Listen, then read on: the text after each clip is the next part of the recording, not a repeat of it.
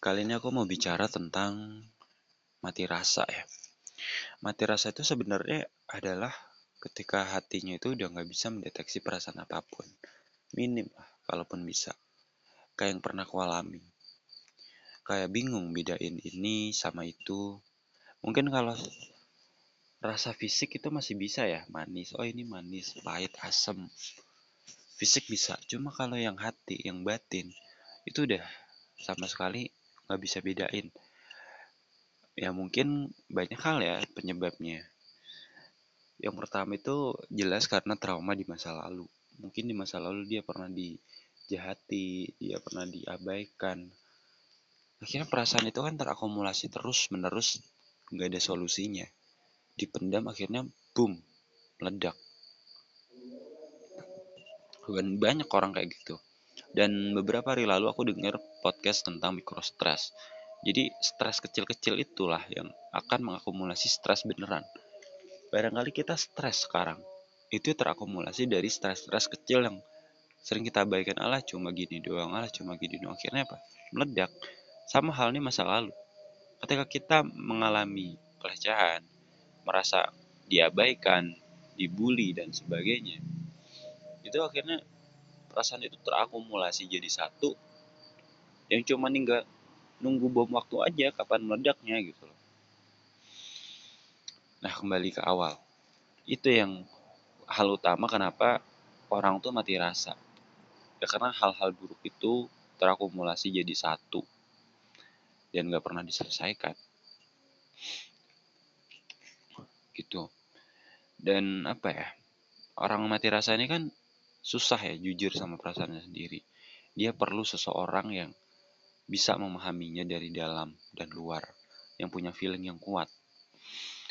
Dan itu nggak mudah menemukan orang seperti itu. Ibarat sebuah game ya, sebuah anime gitu. Ini ada villain atau penjahatnya. Dia kuat banget sampai lawan-lawannya pun kalah terus prajurit biasa jelas kalah. Komandannya kalah telah bertarung habis-habisan. Katakanlah udah seribu lah, seribu orang. Dia nggak terluka sama sekali karena saking kuatnya gitu. Karena terlalu banyak mengalahkan orang-orang kan dia sampai mikir bosen gitu loh. Dia pengen nemuin, dia capek kayak gitu.